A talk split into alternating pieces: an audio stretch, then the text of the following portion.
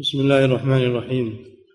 الحمد لله رب العالمين والصلاة والسلام على نبينا محمد وعلى آله وأصحابه أجمعين.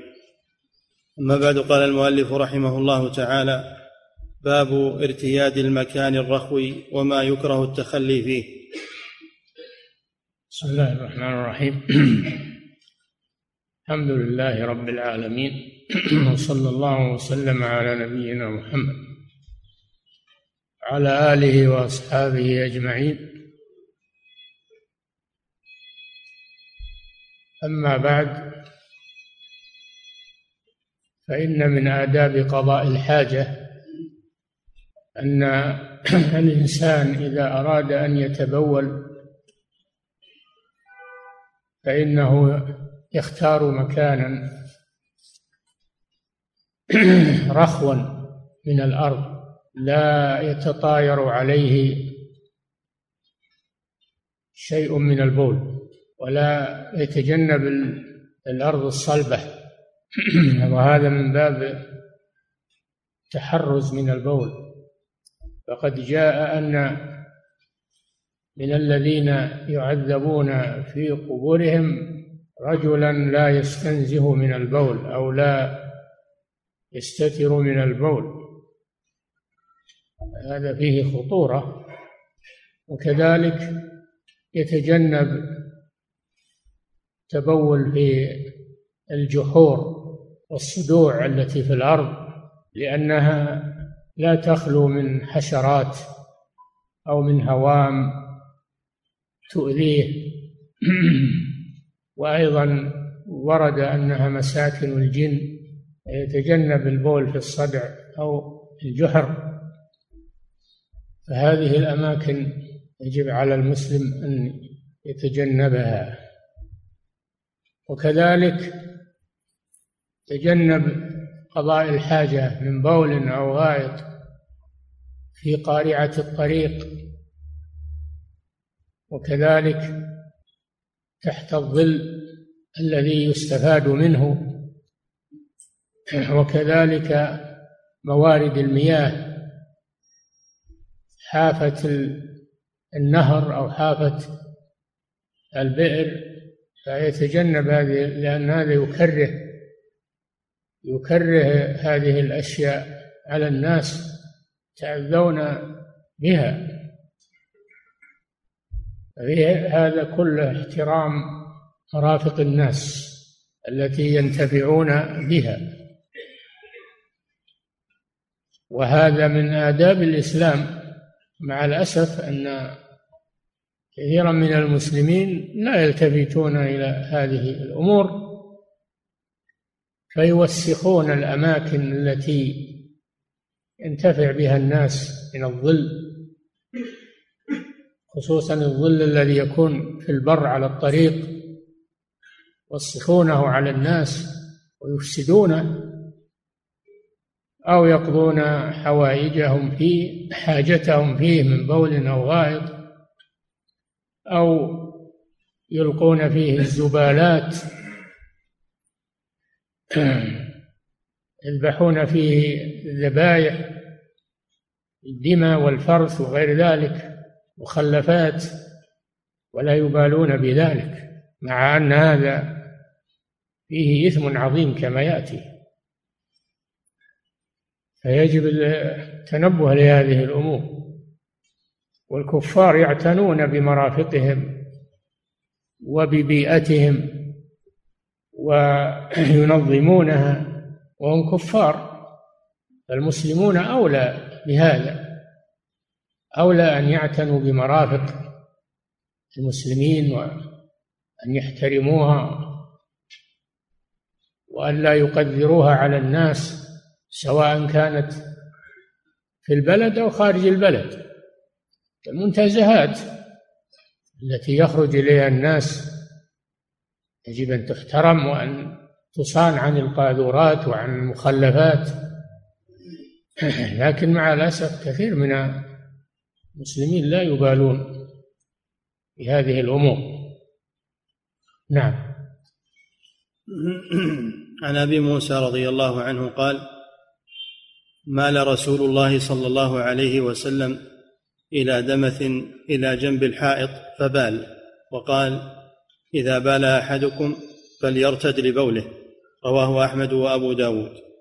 هذا الحديث فيه أن النبي صلى الله عليه وسلم مال إلى دمث من الأرض يعني إلى مكان رخو إلى التربة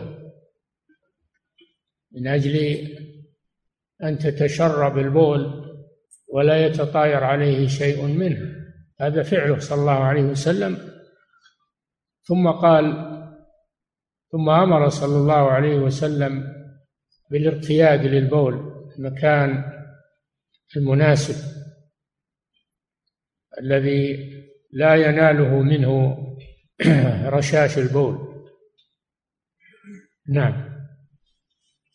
وعن قتادة عن عبد الله بن سرجس قال نهى رسول الله صلى الله عليه وسلم أن يبال في الجحر. قالوا لقتادة ما يكره من البول في الجحر؟ قال يقال إنها مساكن الجن رواه أحمد والنسائي وأبو داود. كذلك من المواضع التي تجتنب البول في الصدوع الأرضية أو في الجحور كما روى قتادة ابن دعامة الدوسي التابعي الجليل كما روى عن عبد الله عن الصحابي عبد الله بن سرجس أن النبي صلى الله عليه وسلم نهى عن البول في الجحور سئل قتادة راوي الحديث ما علة النهي؟ أجاب بأنه يقال إنها مساكن الجن. فلا تؤذي الجن. إذا أذيتهم يصيبونك بالمس. أولا إن الأذية ممنوعة للجن والإنس وثانيا أن هذا فيه خطر على الإنسان أن الجن يؤذونه ويمسونه يخبلون عقله. وكذلك علة أخرى وهي أن هذه الصدوع والجحور تكون مأوى للحشرات. قد يكون فيها عقارب ويكون فيها دواب فتصيب الإنسان يتجنب هذه الأمور. نعم.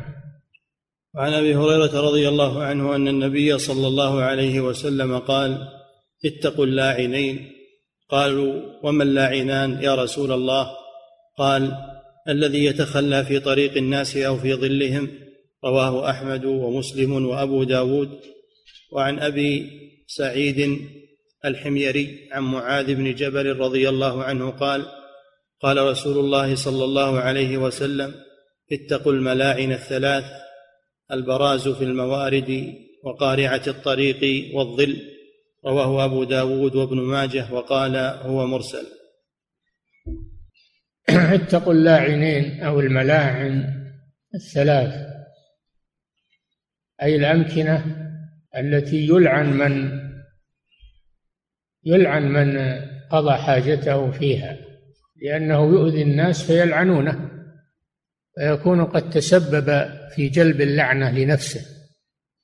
تكون هذه اللعنة بحق لأنه آذاهم وظلمهم فهم يدعون عليه باللعنة وهي الطرد والإبعاد عن رحمة الله عز وجل. فلذلك سميت بالملاعن أي التي يلعن من أفسدها على الناس. وهذه الملاعن هي الطريق. واحد الطريق المسلوك الذي يمشي فيه الناس مقبلين ومدبرين تمشي فيه البهائم يطرق ليلا ونهارا يتجنب الإنسان هذا. لا يلوثه على المار. ولو كانت حيوانات مثلها طريق السيارات. مسلوك لا يقضي حاجته في طريق السيارات أيضا لأن يعني هذا طريق مسلوك هذا واحد. الثاني الظل الظل الذي ينتفع به ظل جدار أو ظل جبل أو ظل شجرة. يستظل الناس به في الصيف حر الشمس سواء كان في البلد أو في البر يتجنب الإنسان قضاء حاجته في الظل الذي ينتفع به الناس. ومثله المشمس في الشتاء كان هناك محلات يتشمس فيها الناس ويستدفئون أيضا مثل الظل. يتجنبها الإنسان. كذلك الأشجار المثمرة التي لها ثمر يقصد ينتفع به لا يقضي حاجته تحتها أو يلوثها على الناس. هذا الظل. سواء كان ظل شجرة أو ظل جدار أو ظل جبل أو غير ذلك مما ينتفع به الثالث موارد المياه البراز في الموارد. البراز يعني قضاء الحاجة. سبق لنا أن أصل البراز هو المكان البارز ثم كني به عن الخارج من الإنسان لأن من أراد أن يقضي حاجته يذهب إلى مكان بارز. مثل الغائط. الأصل أن الغائط هو المكان المنخفض. كني به عن الخارج من الإنسان لأن الإنسان يقصد المكان المنخفض ليغيب فيه عن الناس. فهو من تسمية الشيء باسم مكانه. تسمية الشيء باسم مكانه. وهذا من آداب من آداب الشرع أن الأشياء المستكرهة لا تذكر بألفاظها وإنما يعبر عنها بكناية. هذه البراز في الموارد وهي حافات المياه من النهر والساقية والبئر فلا يقدرها على الناس ببوله أو غائطه. قارعة الطريق أي الجادة المسلوكة سميت قارعة لأنها تقرعها الأقدام ذهابا وإيابا. والظل عرفناه. هذه تسمى بالملاعن تنفيرا من تلويثها والإساءة إلى الناس فيها.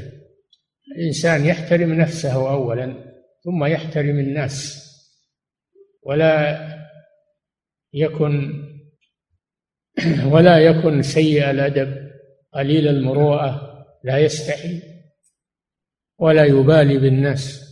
فيجب احترام هذه المرافق وتجنب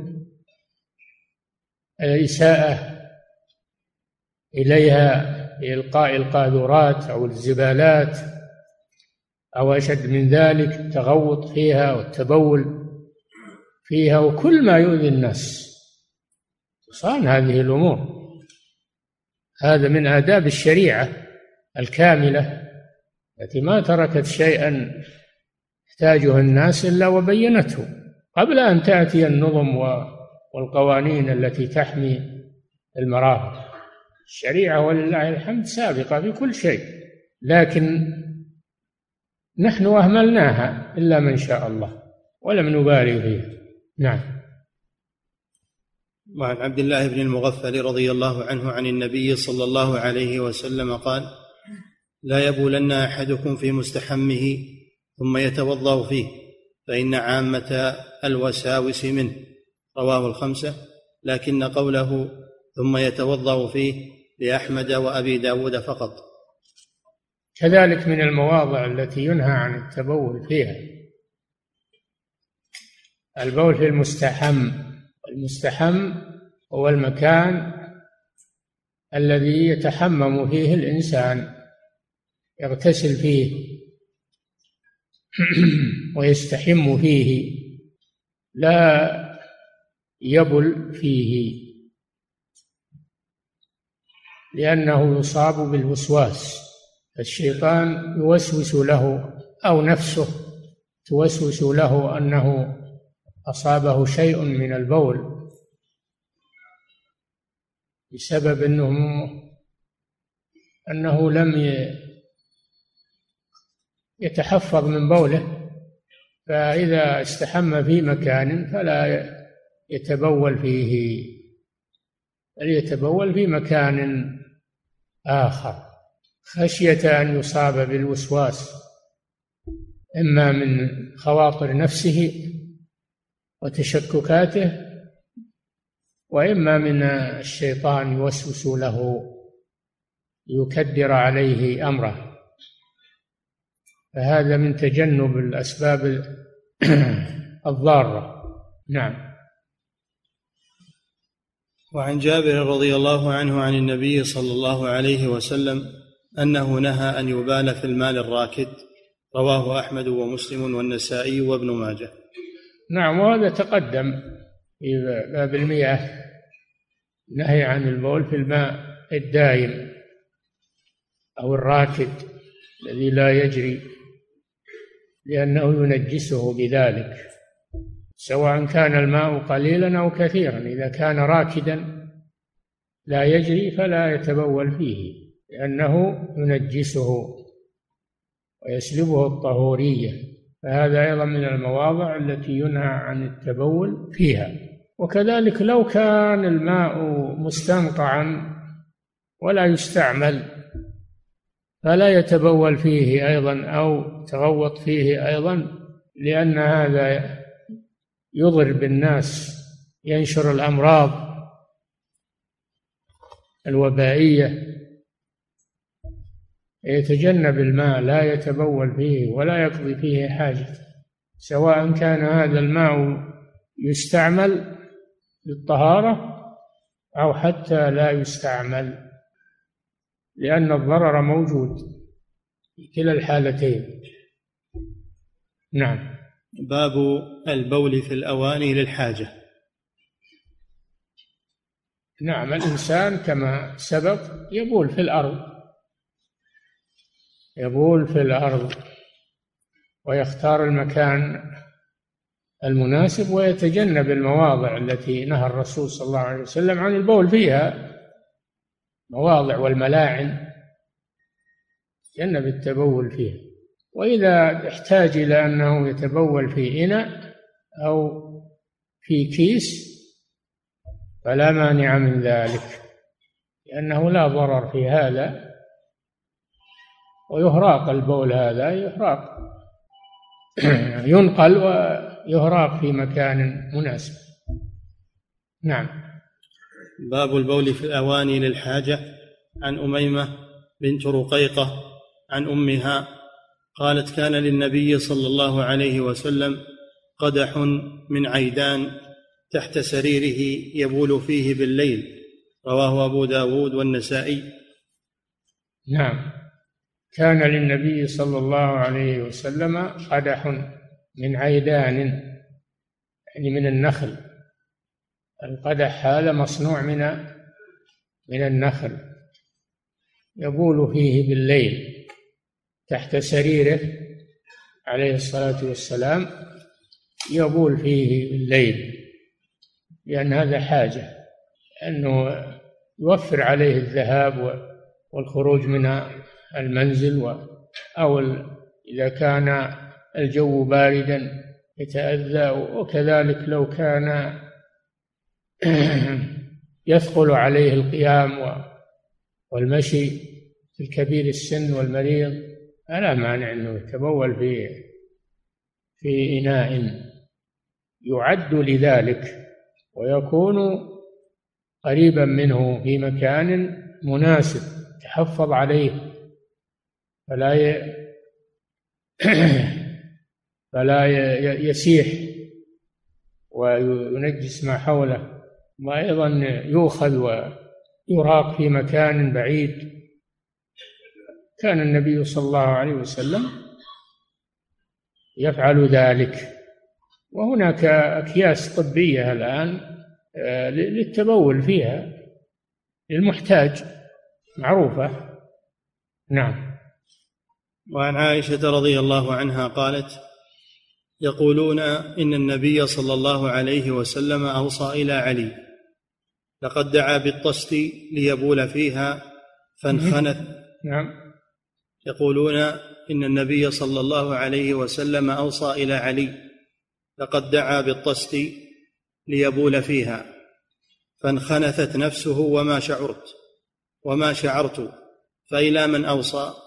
رواه النسائي وانخنثت أي انكسرت وانثنت. نعم النبي صلى الله عليه وسلم في سياق الموت في سياق الموت عنده عائشة أم المؤمنين تمرضه. ليس عنده غيرها تمرضه وتقوم عليه. وفي آخر حياته وآخر لحظة طلب الطست وهو إناء ليبول فيه. فجاءته به فانخنثت يده انكسرت يده يعني انثنت يده من الموت انثنت يده من الموت. فلم يستطع إمساك الإناء بها حتى فارقت روحه جسده عليه الصلاة والسلام. هذا آخر لحظة آخر لحظة من حياته. حضرة أم المؤمنين عائشة رضي الله عنها فدل هذا على ما سبق. اتخاذ الإناء تبول فيه لا سيما للمريض. لا سيما للمريض. وفيه أنها نفت أن النبي صلى الله عليه وسلم أوصى إلى علي بالخلافة لأن الشيعة يقولون إن إن الخليفة بعد رسول الله صلى الله عليه وسلم هو علي بن أبي طالب. يسمونه الوصي ويزعمون أن النبي صلى الله عليه وسلم أوصى له بالخلافة وهذا كذب هذا كذب بإجماع الصحابة المسلمين. فإن النبي صلى الله عليه وسلم لم يوصي لأحد بالخلافة. بل تركهم يختارون تركهم يختارون من يصلح بعده صلى الله عليه وسلم وأعطى إشارات إلى استخلاف أبي بكر رضي الله عنه. أعطى إشارات تدل على على أن الخليفة بعده هو أبو بكر الصديق. من ذلك أنه استخلفه على الصلاة بالناس. هذا من أعظم الإشارات.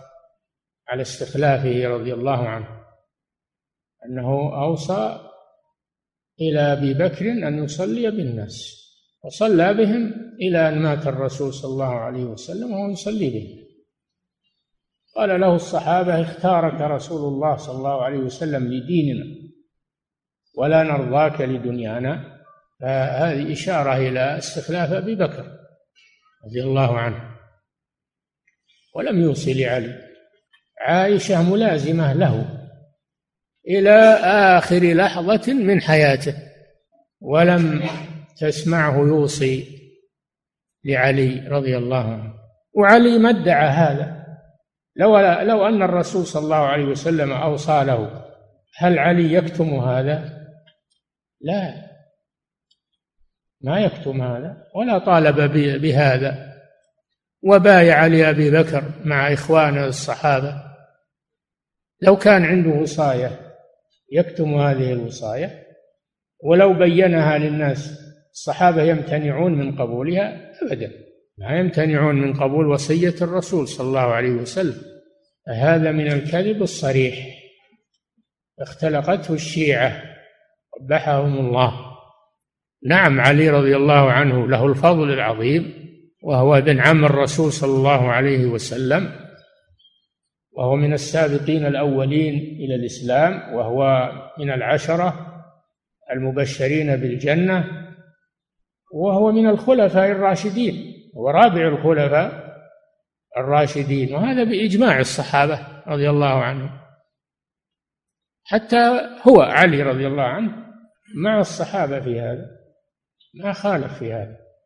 لو كان عنده وصية من الرسول ما أخفاها. ولا ما تردد الصحابة في تنفيذها.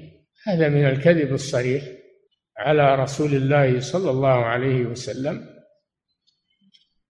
ومن آه، إبطال خلافة أبي بكر وعمر وعثمان. ولذلك يسبون أبا بكر وعمر وعثمان ويلعنون أبا بكر وعمر رضي الله عنهما بهذه الدعوة المكذوبة. المخترعة. هم يريدون التشويش على المسلمين وهم لا يحبون عليا. الصحيح والحقيقة أنهم لا يحبون عليا ولا يحبون أحدا من المسلمين. إنما يريدون قلب الإسلام وإبطال الخلافة وتشكيك المسلمين. هذا ما يريدونه هذا ما يريدونه ولكن الله جل وعلا لم يتم لهم هذا الأمر. بل أبطل كيدهم وحمى الإسلام من شرهم ولله الحمد. نعم. باب ما جاء في البول قائما.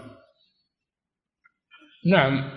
الأصل أن أن الإنسان يبول جالسا. هذا من آداب البول أن يبول جالسا.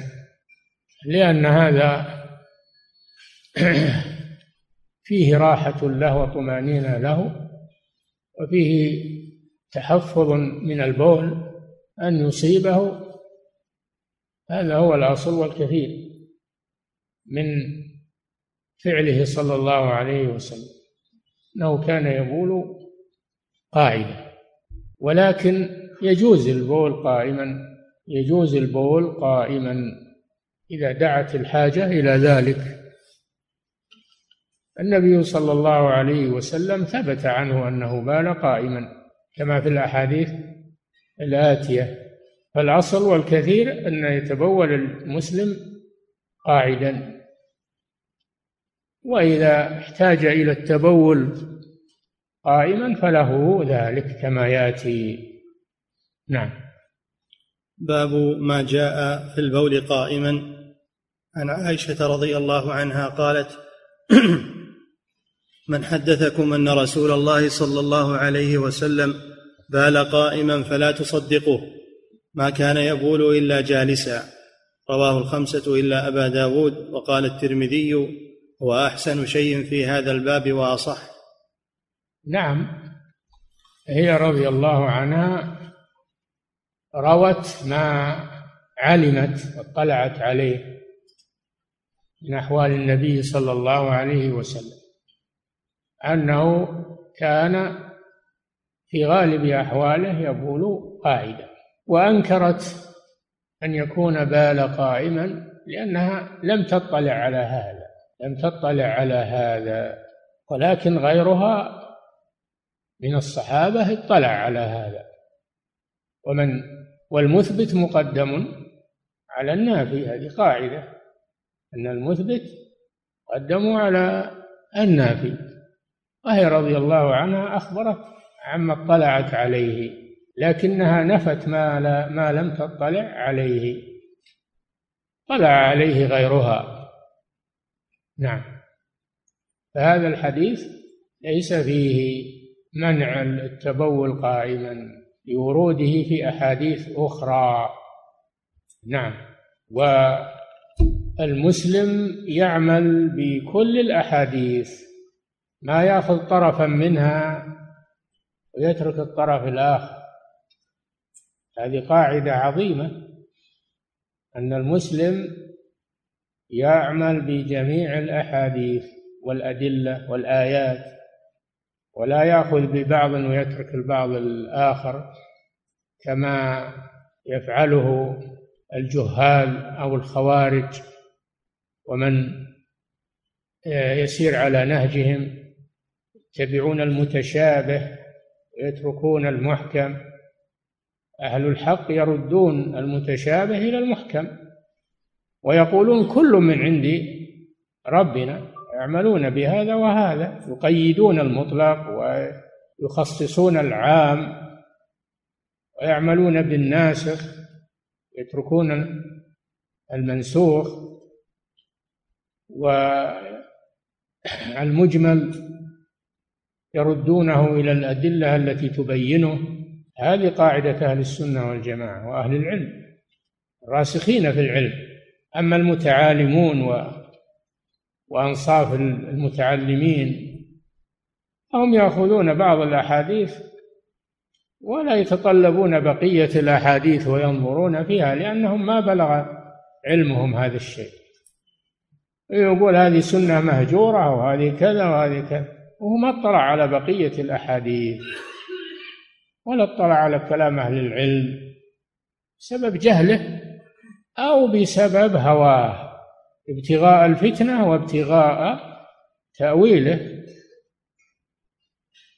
فهذا مسلك خطير الإنسان يأخذ طرفا ويترك بقية الأطراف الثانية. نعم. وعن جابر رضي الله عنه قال نهى رسول الله صلى الله عليه وسلم أن يبول الرجل قائما رواه ابن ماجه. نعم نهى أن يبول الرجل قائما والأصل في النهي التحريم. لكن ورد أحاديث تدل على أنه بال قائما فيكون النهي إذن ليس للتحريم وإنما هو للكراهة كراهة التنزيه. نعم. وعن حذيفة رضي الله عنه أن النبي صلى الله عليه وسلم انتهى إلى سباطة قوم فبال قائما. فتنحيت فقال أدنه فدنوت حتى قمت عند عقبيه فتوضأ ومسح على خفيه. رواه الجماعة. والسباطة ملقى التراب والقمام. ولعله لم يجلس لمانع كان بها. أو وجع كان به.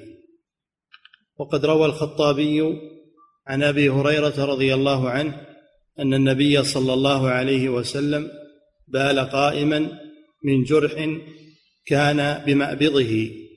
ويحمل قول عائشة رضي الله عنها على غير حال العذر والمأبض ما تحت الركبة من كل حيوان. نعم. في هذا الحديث عن حذيفة رضي الله عنه أن النبي صلى الله عليه وسلم انتهى إلى سباطة قوم. السباطة هي المزبلة فبال فيها قائما بال فيها قائما. بينما عائشة تقول إنه لم يبل قائما ومن حدثكم أنه بال قائما فلا تصدقوه. وقلنا إن هذا يدل على أن عائشة رضي الله عنها لم تطلع على هذه الحالات التي بال فيها النبي صلى الله عليه وسلم قائما فأخبرت عما تعلم أخبرت عما تعلم. والمثبت مقدم على النافي غيرها علم هذا وهو مقدم على على النافي. وهل بوله قائما صلى الله عليه وسلم لبيان الجواز؟ وأن النهي ليس للتحريم وإنما هو لبيان الأفضل. هذا احتمال هذا احتمال وارد. أنه فعل هذا للتشريع ليبين للناس أن النهي عن البول قائما ليس للتحريم وإنما هو للأفضل والأولى. وبال قائما لبيان الجواز لأنه عليه الصلاة والسلام مشرع. شرع للناس أتى بالدين الكامل فهو فعل هذا لبيان الجواز. هذا هذا احتمال. الاحتمال الثاني أنه فعل هذا لأجل الحاجة.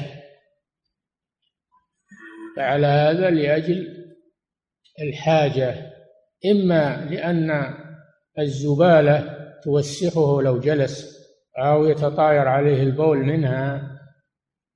فهو بال قائما ليسلم من ذلك أو أن الحاجة أنه صلى الله عليه وسلم كان به مرض وهذا المرض بين في أنه وجع في ركبته في مأبضه يعني في باطن ركبته عليه الصلاة والسلام فبال من أجل الوجع الذي فيه لأن هذا أرفق به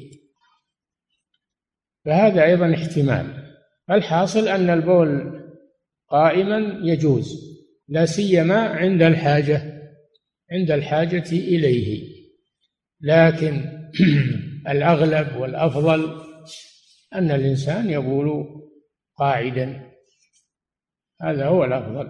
وبعض العلماء يقول أن هذا ناسخ للنهي. أنها بول وهو قائم هذا آخر شيء فيكون ناسخا للنهي ولكن هذا لا يصح لأن النسخ يحتاج إلى أمرين يحتاج أولا لمعرفة التاريخ تاريخ المتقدم والمتأخر ليكون المتأخر ناسخا للمتقدم هذا الشيء وهذا لم يعلم هنا. والشيء الثاني حتى لو علم التاريخ فلا يصار إلى النسخ وقد أمكن الجمع. لا يصار إلى النسخ مع إمكان الجمع. والجمع هنا ممكن بأن يقال البول قائما للحاجة جائز أو البول قائما جائز في بعض الأحيان والغالب أن يبول جالسا.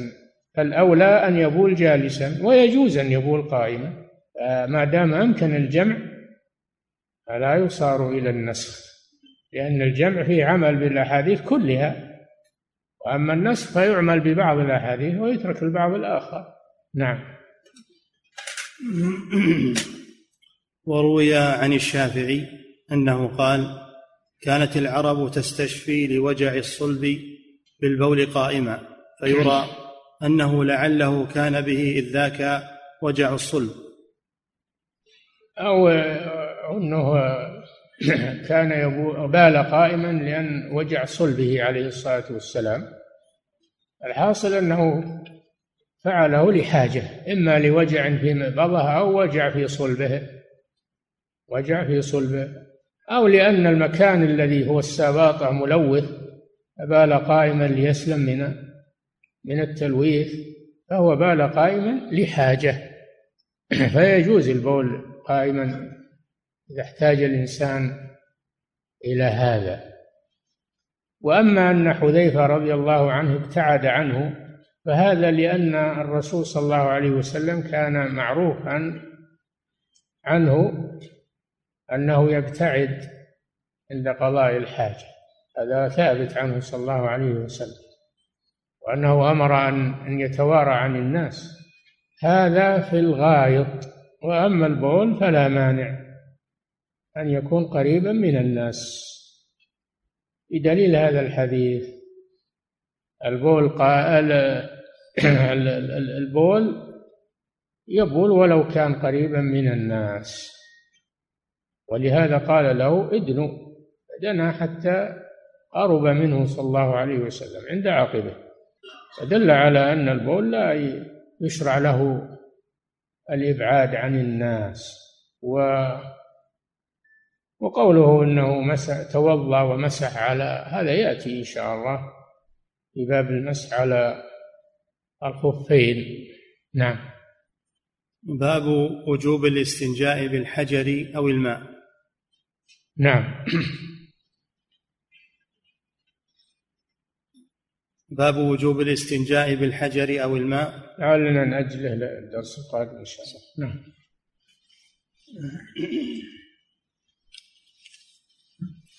يقول فضيلة الشيخ وفقكم الله إذا كان المكان الرخو يستفيد الناس منه فهل يجوز البول فيه؟ لا كل شيء الناس يستفيدون منه لا يجوز لك أن تفسده عليهم. نعم. يقول فضيلة الشيخ وفقكم الله ذكر بعض الفقهاء رحمهم الله أنه إذا كان مكان الجلوس والمستظل للناس يكون فيه أمر محرم كالغيبة فإنه يجوز للإنسان أن يقضي حاجته في هذا المكان لأنه من باب تفريقهم وإنكار المنكر عليهم. فهل لهذا الكلام وجه صحيح؟ الله أعلم. ذكروا ذكروا هذا لكن هذا مخالف لعموم نهيه صلى الله عليه وسلم. مخالف لعموم نهيه صلى الله عليه وسلم. والمنكر لا يزال بالمنكر. البول في الظل أو في آه، المجلس هذا منكر. والغيبة والنميمة وفعل المحرم منكر. المنكر لا يزال بالمنكر. نعم. يقول فضيلة الشيخ وفقكم الله هل يؤخذ من حديث الملاعن الثلاث جواز لعن من تخلى فيها؟ الناس سيلعنونه لو ما أفتيتهم بالجواز. الناس أنتم تسمعون الناس يدعون عليهم. المراد باللعن هنا الدعاء. أنتم تسمعون الناس يدعون على من أفسد عليهم الظل على من لوث عليهم الطريق على من آه، لوث الموارد. موارد المياه تسمعون هذا. الحدائق والمجالس التي يتنزه الناس فيها إلى جوه ملوثة تسمعونهم يدعون على هذا.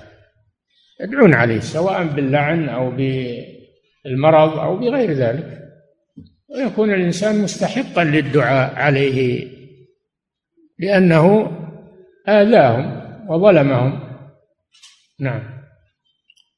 يقول فضيلة الشيخ وفقكم الله كون التخلي في هذه الأماكن يجلب اللعن فهل هذا معناه أنها من كبائر الذنوب؟ نعم يدل على أن هذا من الكبائر. وأيضا قلنا ما هو هذا خاص بالبول والغائط؟ كل ما يؤذي الناس في مرتفقاتهم كل ما يؤذيهم في مرتفقاتهم ومتنزهاتهم يدخل في في هذا سواء وضعت فيه قمائم أو ذبحت فيها ذبائح ولوثتها بالفرث والدم والمخلفات أو غير ذلك.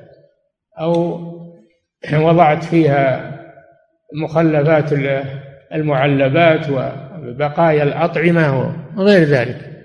كل هذا يدخل في في أذية الناس في مرتفقاتهم. نعم. يقول فضيلة الشيخ وفقكم الله رجل آذاني فهل يجب على الناس إذا خرجوا في نزهة أو أو نزلوا في مكان في أثناء السير في الطريق استظلوا وانتفعوا أن يكون معهم كيس من الباغة أو من يكون معهم كيس يجمعون فيه المخلفات ثم يبعدونها عن المكان. يبعدونها عن المكان. وإذا أرادوا ذبح شاة أو سلخ شاة يبعدونها عن المكان. في الفضاء. نعم. يقول فضيلة الشيخ وفقكم الله رجل قد آذاني فهل يجوز لي أن ألعنه؟ لا لولا السماع العفو عنه والصبر الاحتمال لا أجر لك. وإلا يجوز أنك تقتص منه. قال, قال الله جل وعلا قال الله سبحانه وتعالى وجزاء سيئة سيئة مثلها فمن عفا وأصلح فأجره على الله. فكونك تعفو وتصفح وتصبر أحسن. وإن أخذت نصيبك وقصاصك هذا جائز هذا من العدل. نعم. يقول فضيلة الشيخ وفقكم الله البول في البحر لمن يسبح فيه. هل يكون داخلا في النهي؟ نعم كل ما يؤذي الناس يعني ضفاف البحار أو غير أو الأنهار ما يؤذي الناس كل هذا تلويث البحار الآن يلوثون البحار بمخلفاتهم هذا أيضا يؤذي يؤذي الناس لا يجوز هذا. يوجهون لها المجاري يوجهون لها كله لا يجوز. نعم. يقول فضيلة الشيخ وفقكم الله هل يجوز البول في المستحم في دورة المياه في البيت علما بأن الماء يجري؟ ذكروا أنه إذا كان الماء يذهب بالخارج ولا يبقى له شيء أنه ينتفي المعنى التي الذي من أجله نهي فلا بأس بذلك. كان البول ما يبقى في المكان فلا بأس. نعم. يقول فضيلة الشيخ وفقكم الله هل يدل حديث أميمة أن النبي صلى الله عليه وسلم له سرير أنه كأسرتنا مرتفعة عن الأرض أم أن الأمر مختلف؟ نعم له سرير مرتفع عن الأرض عليه الصلاة والسلام وكان يجعل تحته الإناء دل على أنه مرتفع. ولا وش ما يكون سرير. ما يكون سرير إلا إذا كان مرتفعا على قوائم. أما إذا كان على الأرض هذا يسمى فراشا يسمى سريرا. نعم. يقول فضيلة الشيخ وفقكم الله يوجد في بعض الأماكن العامة مواضع لقضاء البول معلقة بالجدار وبها يؤمن من رشاش البول. مع وجود بعضها في حمامات مغلقة وبعضها أمام الناس مع ستر العورة بحواجز صغيرة. فهل يجوز التبول في كلا النوعين؟ الجواز جائز ولكن الأولى الأولى أن يدخل في المحلات المستورة. وإذا ضاقت الأمكنة ولا وجدت إلا هذه المعلقات لا بأس. لا بأس أن تتبول فيها. وهم في الغالب يعملونها لمن يلبسون البناطيل. لا يستطيعون الجلوس إلا بكلفة وهم يجعلونها لهم. نعم. وهذا سائل في الموضوع نفسه يقول يا شيخ إذا كان يترتب على هذه الأماكن انكشاف العورة فهل يجوز التبول فيها؟ لا كشف العورة لا يجوز هذا مع ستر العورة. إنما يجوز هذا التبول قريبا من الناس مع ستر العورة. أما كشف العورة فلا يجوز في حال من الأحوال. نعم. يقول فضيلة الشيخ وفقكم الله كيف نجمع بين أن النبي صلى الله عليه وسلم كان أحب ما استتر به حائش نخل وبين النهي الذي أتى عن قضاء الحاجة في أماكن الظل؟ هذا الحائش لا ينتفع به. لا ينتفع به وإذا كان الظل لا يرتفق به ولا ينتفع به فلا مانع. نعم. يقول فضيلة الشيخ وفقكم الله كيف نجمع بين حديث موت النبي صلى الله عليه وسلم على صدر عائشة وبين حديث الإناء الذي طلبه النبي صلى الله عليه وسلم ليبول فيه قبل موته؟ فما هي آخر أحواله عليه الصلاة قبل الموت؟ نعم آخر أحواله كما قالت عائشة رضي الله عنها رأسه في صدرها. جاء جاءت بالإناء وأحضرته لكن ما تمكن من استعماله عليه الصلاة والسلام. نعم. يقول فضيلة الشيخ وفقكم الله هل يجوز التبول في المغسلة التي يتوضأ فيها الإنسان؟ لا. هذا يلوثها على الناس و يفسد رائحتها لا يتبول فيها. إلا إذا كانت معدة للتبول. كانت معدة للتبول فلا بأس. إذا كانت معدة لغسل اليدين فلا يجوز للإنسان يتبول فيها. نعم. يقول فضيلة الشيخ وفقكم الله هل يدل عدم وصية رسول الله صلى الله عليه وسلم لأحد وترك الأمر شورى بينهم؟ هل يدل هذا على جواز ما يسمى بالانتخابات؟ لا ما هي بالانتخابات.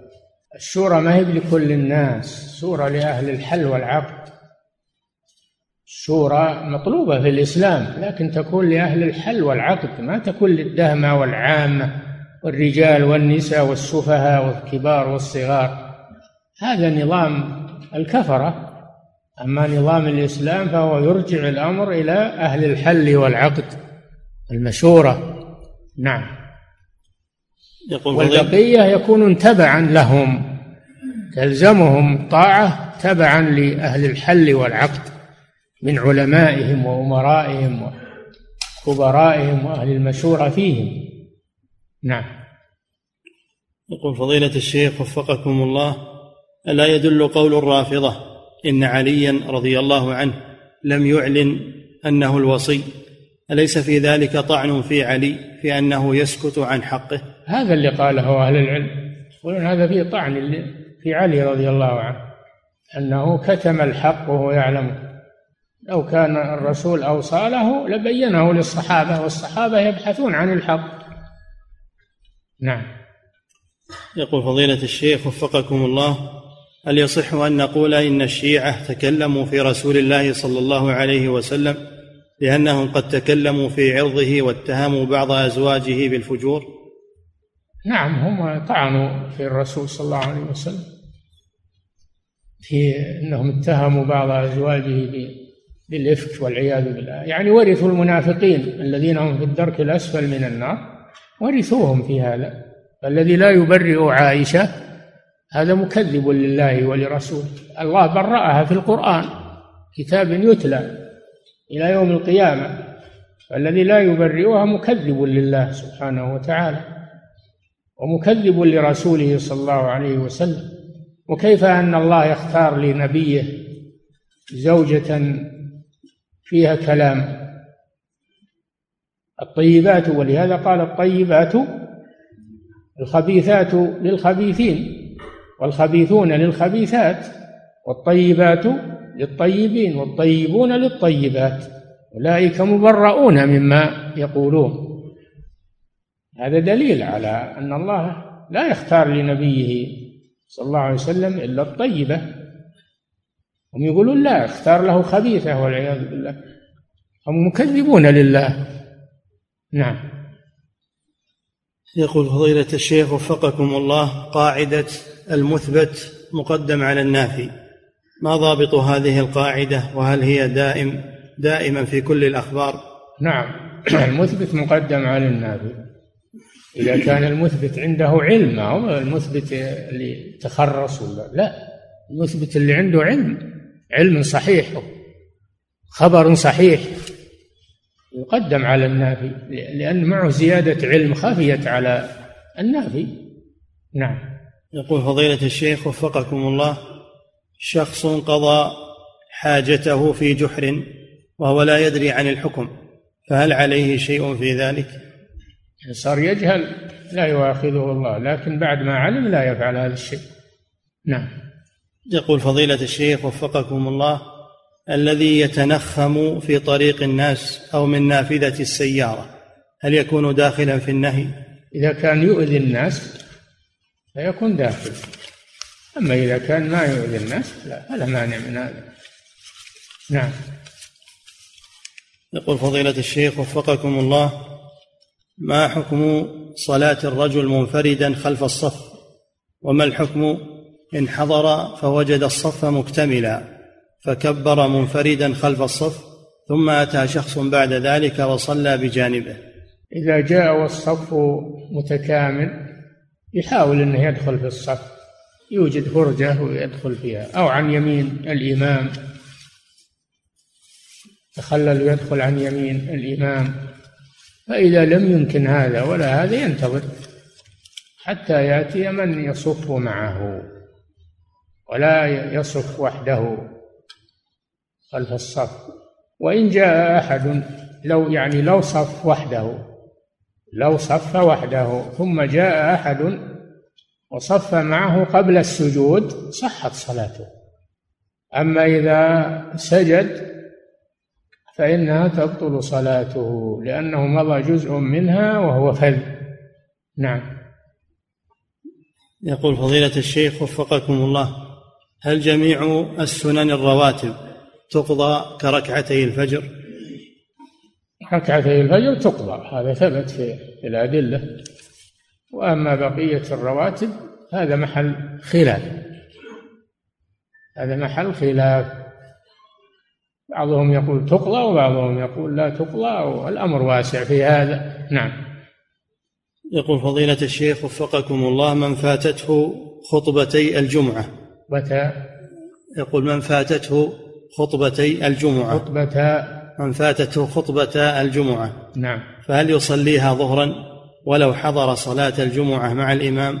يا أخي في حديث صحيح من أدرك ركعة من صلاة الجمعة فليضف إليها أخرى قد تمت جمعته.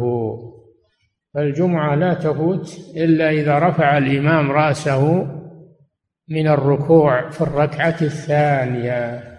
تفوت الجمعة. أما إذا أدرك الإمام في الركعة الأخيرة وركع معه قد أدرك الجماعة أدرك الجمعة. نعم.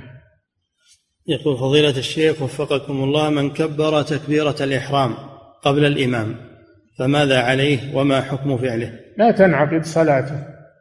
إذا كبر تكبيرة الإحرام قبل الإمام لا تنعقد صلاته. صلاته باطلة. فعليه أن يعود ويأتي بتكبيرة الإحرام بعد الإمام. نعم. يقول فضيلة الشيخ وفقكم الله يلبس بعض من الطلاب في المدارس يلبسون الأساور التي في اليد والخيوط التي فيها شيء من الجلد وعندما ننهاهم عنها ونأخذها منهم يقولون نحن لا نعتقد فيها الشفاء ولا نستدفع بها العين ولا نقصد التشبه بالكفار بل يعجبنا شكلها فنلبسها لذلك. فما حكم هذا الكلام؟ هذا كلام باطل. نحن لا, لا, لا نقول كذا لا نقول كذا. ما يفعل هذا. هذا ما هو من لباس الرجال. هذا من لباس الكفار أو من لباس النساء. فهو متشبه على كل حال إما في الرجال وإما في النساء. أما إن اعتقد فيها فهذا أشد. هذا أشد وإلا فهي ممنوعة للذكور لا يجوز هذا. ولكن عليكم بإبلاغ المدير المسؤول عنهم. أبلغوا من ترون عليه هذا أبلغوا عنه المسؤولين في المدرسة. نعم. يقول فضيلة الشيخ وفقكم الله هل للمسبوق في الصلاة أن يكون إماما بعد سلام إمامه وأن يأتم به من بعده؟ لا. لا يكون إماما. المأموم لا يتحول إماما إلا إذا استخلفه الإمام. إذا استخلفه الإمام فإنه يكون إماما. أما إذا لم يستخلفه فلا يكون إماما. نعم. يقول فضيلة الشيخ وفقكم الله ما حكم سداد الدين بغير عملة المديون مع الرضا بين الطرفين ومراعاة قيمة الصرف بين النقدين؟ لا بأس. إذا اختلف الجنس إذا اختلف الجنس فيجوز أن يصارفه وأن يقضيه من غير العملة التي في ذمته. نعم. يقول فضيلة الشيخ وفقكم الله هل الرقية أو القراءة في الماء والزيت تعد بدعة؟ حيث إن عندنا أستاذ في الجامعة يقول إنها بدعة محرمة وعلة ذلك أنها لم ترد عن رسول الله صلى الله عليه وسلم ولا عن السلف الصالح. بلى وردت ورد أن الرسول صلى الله عليه وسلم قرأ في الماء وسقاه المريض فالرقية في الماء جائزة ومثله الزيت ومثله الأدهان كله لا بأس به. هذا المدرس بينوا له هذا أنه ما اطلع على على الحديث. نعم. نعم. يقول فضيلة الشيخ وفقكم الله هل ثبت أن النبي صلى الله عليه وسلم احتجم وأعطى دم الحجامة للزبير فشربه الزبير رضي الله عنه؟ ورد أن عبد الله بن الزبير ما هو الزبير عبد الله بن الزبير ولم يثبت هذا. نعم. يقول فضيلة الشيخ وفقكم الله طلب مني أن أحج عن شخص قد مات. وقد أدى حجة الإسلام. هل هذا الفعل جائز؟ وهل لي أجر الحاج وأنا قد أديت حجة الإسلام؟ الحج عن الميت يجوز سواء كان فريضة أو نافلة. يجوز الحج عن الميت والعمرة عن الميت. والنائب له أجر نفع أخيه وله أجر الصلاة في المسجد الحرام و وأجر الاعتكاف في المسجد الحرام إذا اعتكف فيه زمنا وجلس فيه وله أجر الدعاء في عرفة وفي المشاعر له خير كثير النائب له خير كثير. لكن المناسك تكون عن الميت. أما ما زاد عنها من الأعمال الصالحة فهو للعامل. نعم. يقول فضيلة الشيخ وفقكم الله خطيب جمعة يختم كل خطبة في كل جمعة بقوله أشهد الله أني أحبكم في الله. فهل لهذا الأمر أصل في الشرع؟ هذا ما ورد. هذا ما ورد في الشرع. أنه يقول هذا. كل الحاضرين يحبهم في الله. الله أعلم. ما ندري. نعم. يقول فضيلة الشيخ وفقكم الله شخص يصلي بالناس لكن في لسانه عجمة فيسلم ويقول السلام عليكم بدلا من السلام عليكم بدون قصد لمعنى الموت. فهل تصح صلاتنا خلفه؟ لا تصح صلاته إلا بمن هو مثله. أما السليم لا تصح صلاة من يسقط بعض الحروف للثغته نعم. يقول فضيلة الشيخ وفقكم الله هل ورد أن الرسول صلى الله عليه وسلم كان يستاك قبل أن يكبر للصلاة المفروضة أمام الناس؟ الرسول صلى الله عليه وسلم يقول لأمرتهم بالسواك عند كل وضوء وفي رواية عند كل صلاة. وهذا يكفي دليلا في أن أنه يستحب أن يستاك قبل الدخول في الصلاة. نعم. يقول فضيلة الشيخ وفقكم الله نسمع بعض الناس عندما يقول المؤذن لا إله إلا الله يرد بقوله حقا لا إله إلا الله فما حكم ذلك؟ هذه زيادة. يكفي أنه يقول مثل ما يقول المؤذن قوله صلى الله عليه وسلم إذا سمعتم المؤذن فقولوا مثل ما يقول. ولا يزيد الإنسان أشياء من عنده؟ نعم. يقول فضيلة الشيخ وفقكم الله إذا قال الكافر لا إله إلا الله محمد رسول الله ثم بعد ثم مات بعد ذلك مباشرة فهل يجوز الترحم عليه والدعاء له بالمغفرة؟ نعم هذا حاله ظاهر حاله أنه مسلم نحن نبني على الظاهر فإذا قال مستيقنا بها ولم يتمكن من العمل ومات عليها فهو من أهل الجنة كان آخر كلامه لا إله إلا الله دخل الجنة. نعم.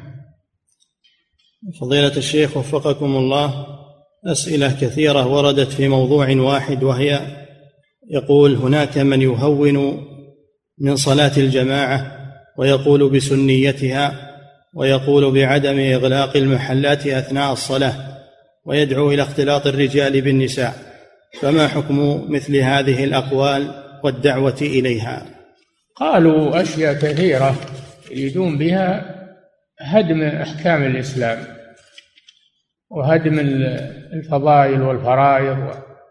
قالوا وهذه صفة المنافقين في كل زمان ومكان. إذا سنحت لهم الفرصة ولم يمنعوا سووا الفنايا. فهؤلاء لا يلتفت إليهم ولا يعبأ بقولهم. صلاة الجماعة واجبة على كل مسلم. على الأعيان من الرجال ولا يصح أنه يصلي في بيته إلا لعذر. من سمع النداء فلم يأت فلا صلاة له إلا من عذر. قيل وما العذر؟ قال خوف أو مرض. الرسول يقول لا صلاة له وأنت تقول لا صلي صلي بغير ولا يجي ولا يجيب المؤذن. هذا معصية للرسول صلى الله عليه وسلم. فلا عبرة بقول هؤلاء. هم يريدون بها ما هو بالصلاة الجماعة. تكلموا في أحكام كثيرة من أحكام الشريعة. يريدون هدمها. يريدون هدمها. ويريدون أن يكون الإسلام مجرد اسم فقط. دون أعمال ودون شيء. نعم. يقول فضيلة الشيخ وفقكم الله هل يجوز للإنسان أن يبيع ما لا يملك وإذا باع الإنسان أرضا لا يملكها فما العمل؟ إذا كان وكيلا لصاحبها ما في مانع إذا وكله صاحبها لا في مانع. أما أنه يبيعها بدون توكيل من صاحبها فلا يصح هذا. لا تبع ما ليس عندك. الرسول صلى الله عليه وسلم قال لا تبع ما ليس عندك. نعم.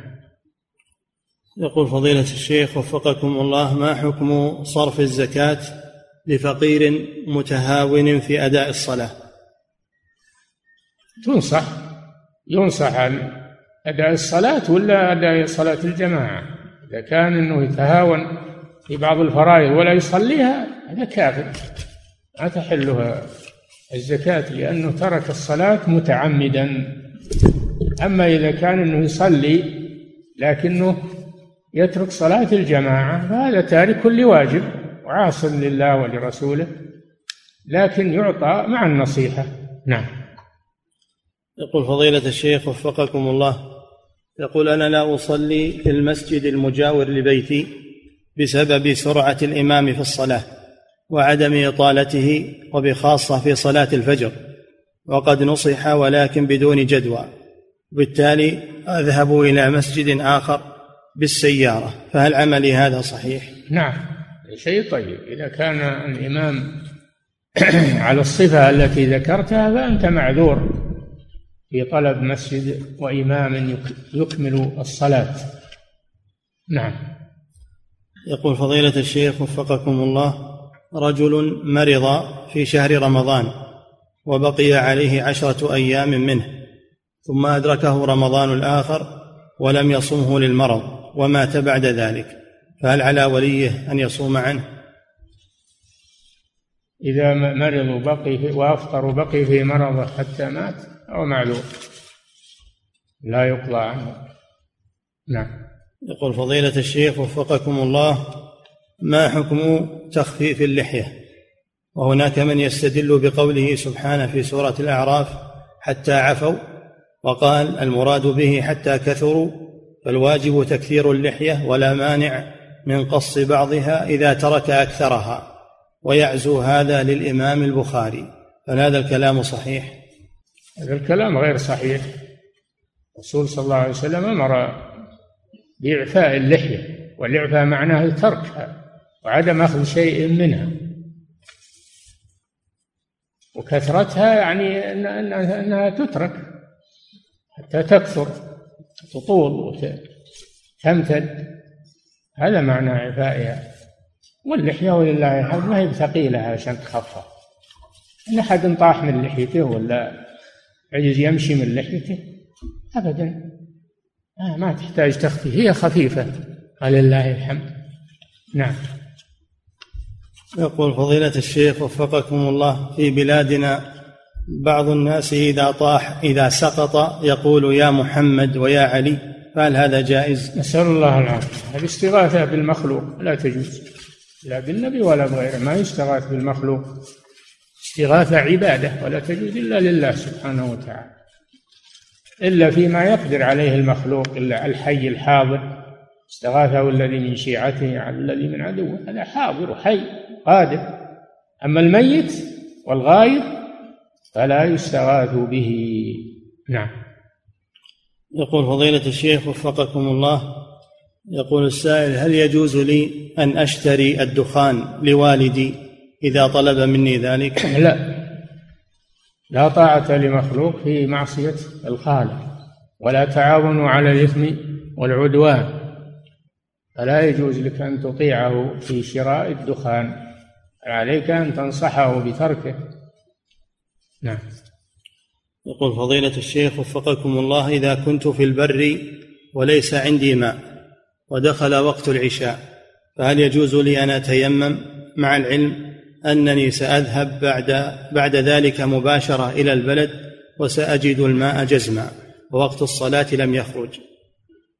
لو صليت جاز لك ذلك وإن أخرتها إلى أن تصل إلى البلد قبل خروج الوقت وصليتها بالماء يكون أفضل أفضل وإلا ما ما يلزمك أنك تؤخر الصلاة لكن لو أخرتها للماء فهذا أفضل. نعم.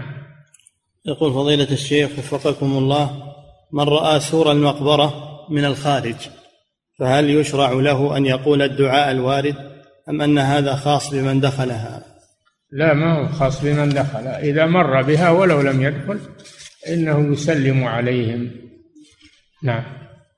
يقول فضيلة الشيخ وفقكم الله هل يجوز أو هل من يقول في الدعاء الله الله يوفق يوفقك إن شاء الله فيقرن الدعاء بالمشيئة؟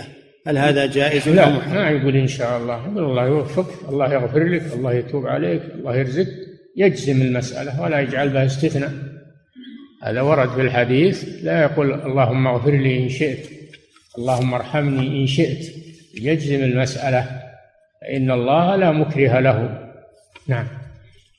يقول فضيلة الشيخ وفقكم الله بعض الإخوة عندما تقول له أن يدعو لك إذا كان مسافرا أو ذاهبا للحج فيقول لا يجوز ذلك أن تقول لأحد أن يدعو لك. فهل هذا صحيح؟ لا. هذا جاهل. الرسول صلى الله عليه وسلم قال لعمر لما أراد العمرة لا تنسنا يا أخي من صالح دعائك. فلا بأس بطلب الدعاء من من يريد الحج أو العمرة أو, أو السفر لا مانع من ذلك. ولكن الأفضل والأولى أن يدعو هو ولا يقتصر على غيره. نعم. يقول فضيلة الشيخ وفقكم الله من رأى مصحفا متلفا أو أوراقا من المصحف تالفة ولا يمكن الانتفاع بها فماذا يصنع بها؟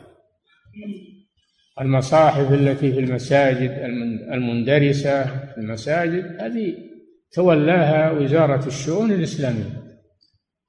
أما إذا رأيت مصحفا خارج المسجد مندرس وتخشى عليه من الإهانة فلا مانع أنك إما أن تحرقه وإما أن تدفنه في مكان طاهر. نعم. يقول فضيلة الشيخ وفقكم الله المرأة الحائض إذا كانت طالبة وعليها حفظ للقرآن أو حفظ من القرآن فهل لها أن تقرأ من المصحف للضرورة؟ من وراء حائل. يجوز أن تقرأ للحاجة ويكون من وراء حائل ما تمس المصحف مباشرة. نعم.